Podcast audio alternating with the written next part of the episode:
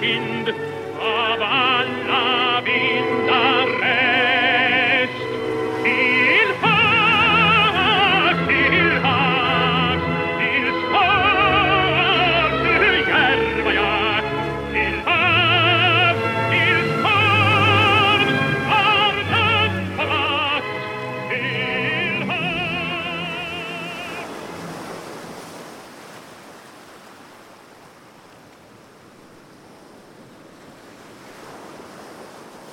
Till havs. Jussi Björling. En av världens bästa tenorer. I ett framförande från 1953. Havet. En mytomspunnen värld som ruvar på en dold hemlighet långt ner under ytan. Vad är det som lever i de djupaste av revor och raviner? Det är för oss okänt. Vi har sett bilder på jättelika bläckfiskar, maneter och monstruösa varelser som låter vår fantasi skena iväg över vad som finns där nere och vad ingen har sett. Eller i alla fall, vad ingen har överlevt att berätta om. Vad döljer sig i våra nordiska sjöar och vattendrag? Vad finns där som vi inte känner till men som troligtvis känner till oss. Hur nära vågar det okända att komma under ytan med risk för att bli upptäckt? I vår nordiska folktro berättas det om en ondskefull, odöd varelse. En varelse som har sitt tillhåll under jord, i grottor eller i havet. En varelse som i generationer har spridit skräck. En varelse som antingen mördar eller driver dess offer till vansinne. En varelse som njuter av att döda och att fästa på sina offer. En ohygglig varelse. En draug. Enligt vår tidiga folktro är draugen en ond människa som har fallit i strid. Till följd av sin obeskrivliga ondska så är den fallne inte välkommen in i vare sig de dödas rike, Niflheim, eller i paradisets sal, Valhall. Nej, den fallne döms istället att tillbringa tid efter tid vandrandes i vår värld och förvägras att bli begravd i vigd jord. Ett straff som gör dess redan mörka inre bara ännu mörkare. Med draugen kommer lukten. En vämjelig stank av förruttnelse. Med draugen kommer ondskan. En orubblig ondska tillsammans med en hämndlystenhet och girighet som är dess drivkraft. En blodtörst och en skrikande hunger. En hunger efter oskyldiga blodsoffer. Om du möter en draug, detta överväsen, så bör du fly. En draug är en seglivad jäkel som sällan dödas av våra mänskliga vapen. Dess inre brinnande hat gör den istället till en farlig stridsmaskin som med vapen, naglar och tänder gör allt för att förgöra varje minsta del av dig. I det här avsnittet kommer ni att få ta del av en skrämmande novell som är skriven av Christian Schultz. Novellen utspelar sig vid en sjö i vårt grannland Norge och den har fått namnet Draugen. Och till en så här fantastiskt skrämmande novell krävs självfallet en fantastisk uppläsare. Nämligen Emil Eriksson ifrån podcasten Monsterboxen.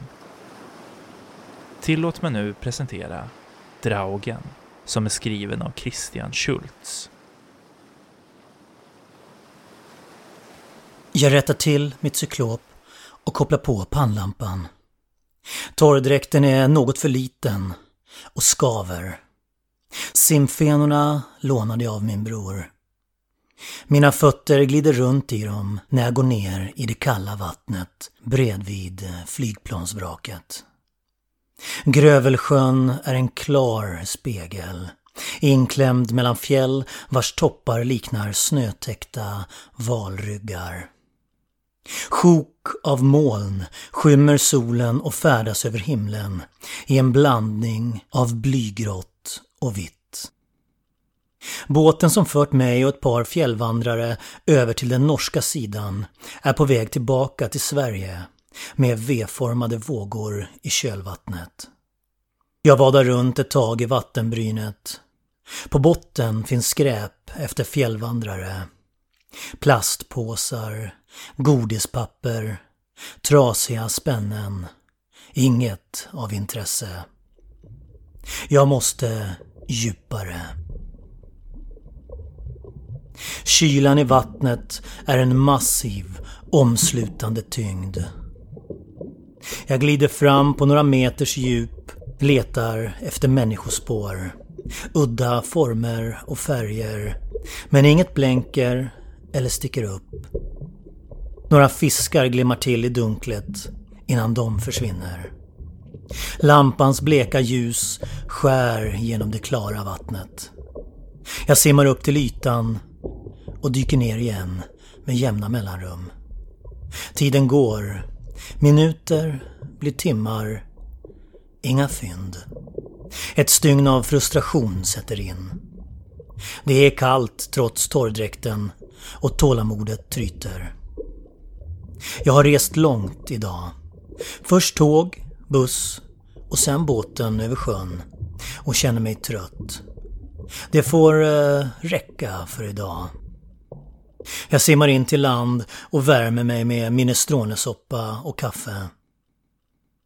En röst i huvudet viskar envist att det finns något där. Något som väntar på att hittas. Henkel HE 111 var ett 16,6 meter långt flygplan med en vingbredd på 22,6 meter. Den spillra som ligger i Grövelsjön med stympade vingar och naken metall är något annat. En lämning historien spottat ur sig. Ett strandat valskelett i stål som sakta mals ner av elementen. Jag hittade planet på en hemsida över nödlandningar under andra världskriget. Enligt den officiella historiebeskrivningen klarade sig alla tyskarna och tog sig till en gård vid sjöns norra strand. Dagen därpå kom ett sjöflygplan och hämtade upp dem. Flera användare på Reddit-forumet Unresolved Mysteries menar att detta inte är hela sanningen. Att en besättningsman dog och aldrig hittades efteråt. De pekar på ett nyligen upptäckt dokument från nazitiden. I dokumentet antyds att sju personer ingick i besättningen, men att bara sex stycken räddades.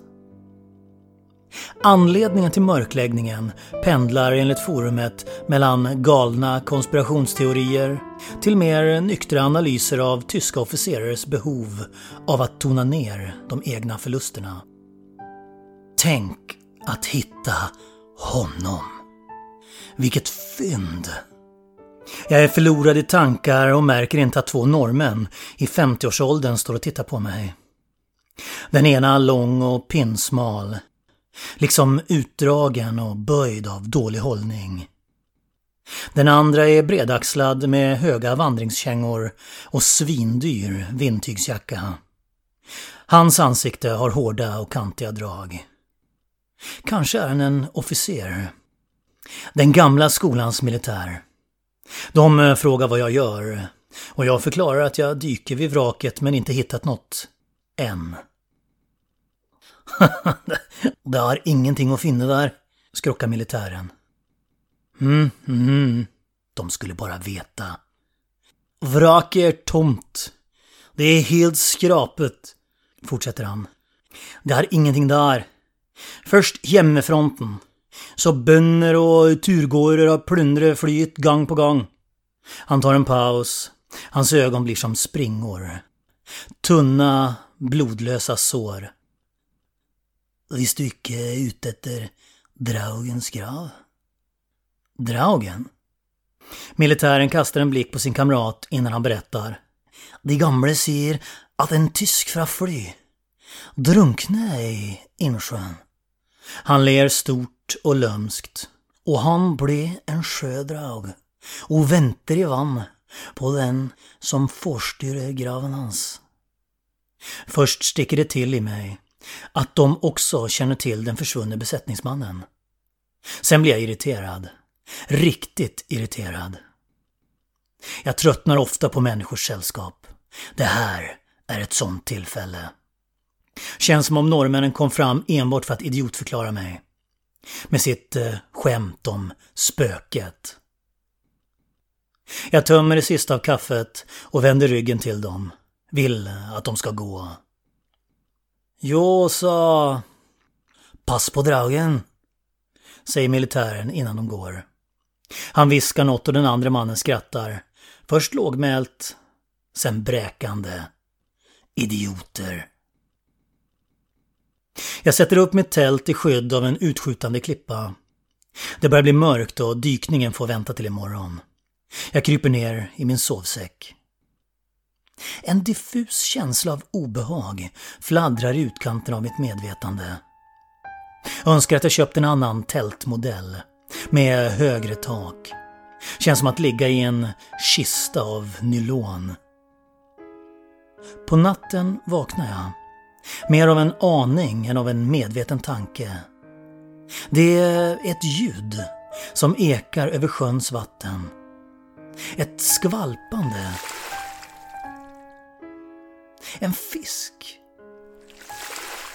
Nej, för stort. Sen knastrar det bland småstenarna vid vattenbrynet. Det droppar. Hasande steg och ljudet av något tungt som släpas över marken. Något stort, brett. Jag ligger blixtstilla i mörkret och vågar knappt andas. En på samma gång isande och glödande känsla av skräck fick svett att bryta ut i hårfästet. Bara ett skal av tältduk skiljer mig från det som rör sig där ute vid vattnet. Bara en dröm. Det är bara en dröm. Då kom stanken. Påträngande, äcklig, av rutten fisk, alger och sjögräs. Den belägrar mitt tält och jag håller för näsan. Jag blundar, nej, kniper ihop ögonen. Hårt. Drar sovsäcken över huvudet som ett skräckslaget barn. Bara en dröm. Bara en dröm. Hasandet försvinner bort med det släpande ljudet efter sig. Vattenskvalp. Stenar som slår mot varandra med klirrande ljud. Borta. Jag har svårt att somna om med en puls som dundrar genom kroppen. Skräcken jag känt har lämnat en metallisk smak i munnen. Jag lyssnar genom tältduken. Hör vind, kluckandet av vatten. Inget mer. Jag dåsar till, somnar och vaknar inte förrän det blivit ljust.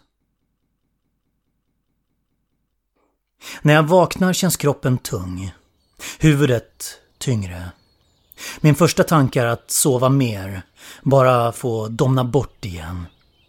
Men den här chansen kommer inte igen. En rastlös nyfiken energi gör det omöjligt att ligga kvar. Magkänslan säger att den tyske besättningsmannen finns här. Någonstans i sjöns mörker. Och jag behöver dagen för att dyka. Jag går ner till vattnet för att skölja av sömnens ögongrus och stannar mitt i steget. Vid vattenbrynet ser jag färska märken. Stenar har rullat iväg och lämnat små vattenfyllda hål.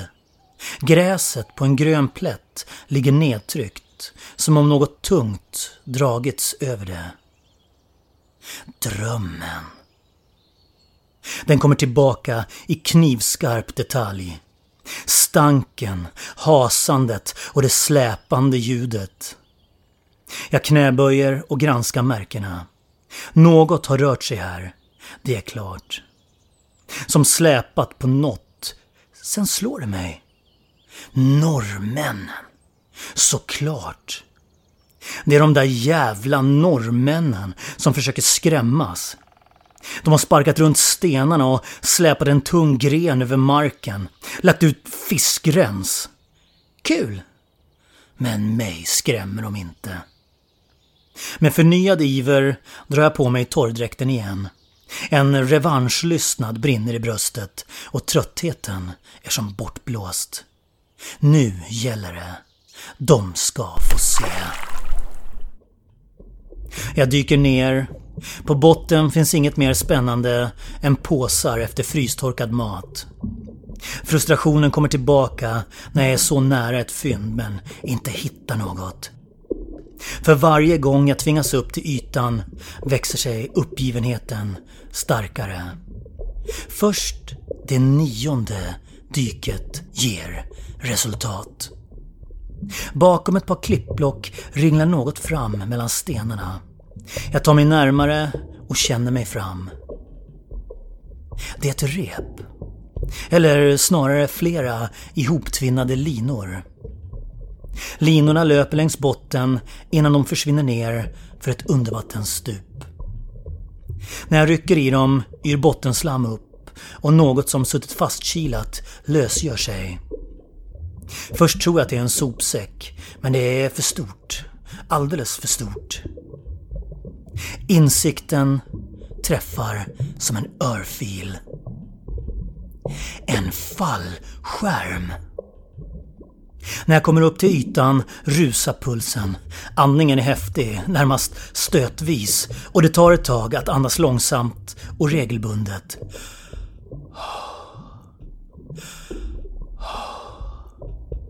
Fallskärmen vajar likt en förhistorisk havsanemon. Vilket fynd! Vilket jävla fynd! Tidigare resor gick till Normandie och Narvik. Båda gångerna blev jag förvånad över vad man kunde hitta utanför sin bekvämlighetszon. Uniformsknappar, benbitar, rostiga tomhylsor och den största skatten, en tysk medalj, Narviksskölden. I en klippskreva, skyddad från vädret i en liten svastikaprydd låda. Men medaljen är ingenting jämfört med att hitta den döde besättningsmannen. En googling innan resan visar att maxdjupet är 34 meter i Grövelsjön. Har han lossnat från fallskärmen och ligger där på botten går det aldrig att få upp honom. Inte en chans. Inte utan dykflaskor. Är jag en idiot som försöker fridyka? Ja, kanske. Men det är för sent att göra något åt det nu. Jag gör ett försök att följa linorna men ger upp någonstans i det mörka vattnet. Det spränger i öronen och jag tvingas upp till ytan igen. Ansiktet gör ont när torrdräkten inte skyddar. Fingrarna stelnar till klor. Kylan kryper innanför skinnet, rusar fram i ådrornas blå kanaler och hela kroppen verkar. Men det går inte att ge sig nu. Ett sista försök är ett måste. Jag tar ett djupt andetag, dyker ner igen och drar försiktigt i linorna. Snälla, gå inte av. De håller. Jag känner mig som en storfiskare när jag först lugnt, sen allt mer frenetiskt tar tag och drar. Något är på väg upp ur djupet. Något tungt. Armarna blir trötta, benen får krampkänningar. Luften är på väg att ta slut. En eh, ofrivillig bubbla stiger upp från munnen. Rörelserna blir yvigare, mer desperata. Sen blir det genast lättare. Något kommer över kanten till undervattensstupet. Det är grafitgrått och svårt att avgöra vad det är.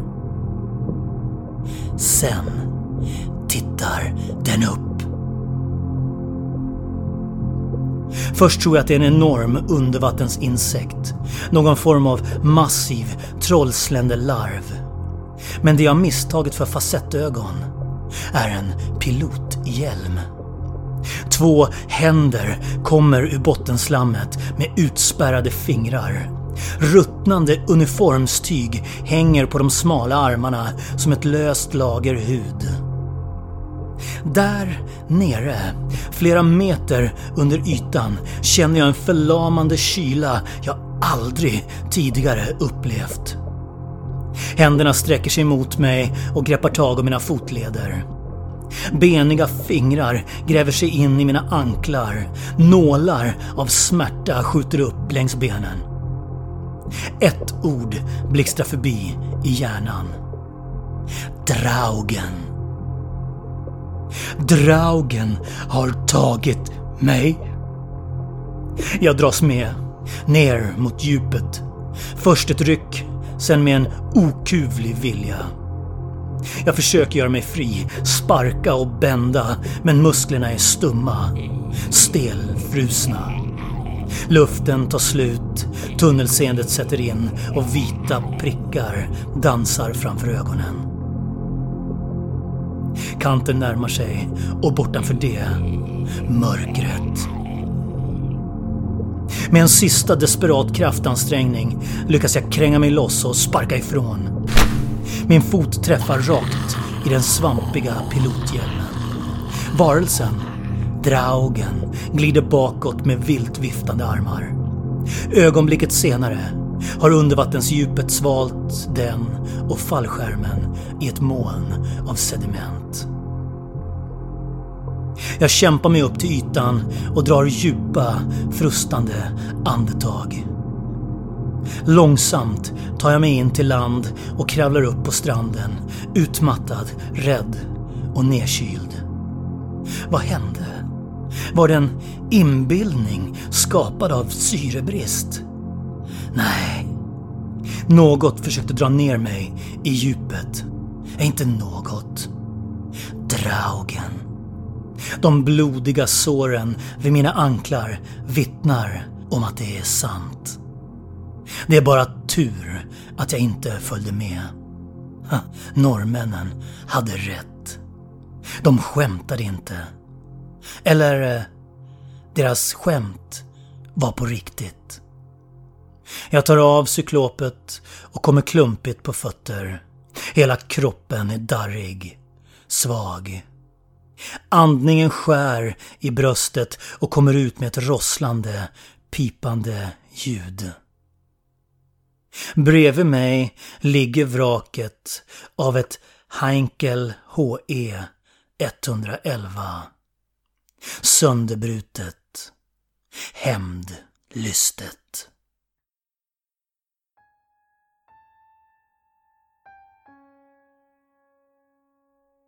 Du har hört den fasansfulla novellen Draugen, skriven av Christian Schultz och uppläst av Emil Eriksson.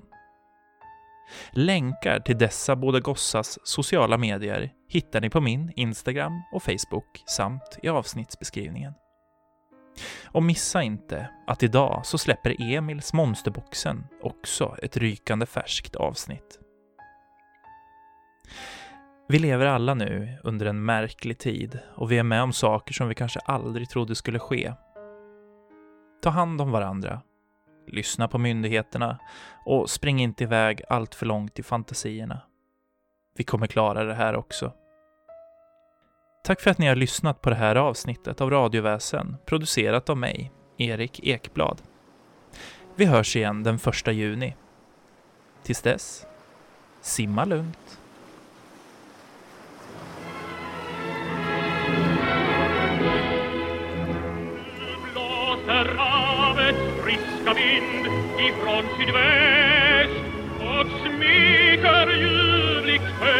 kind, aber alla Wind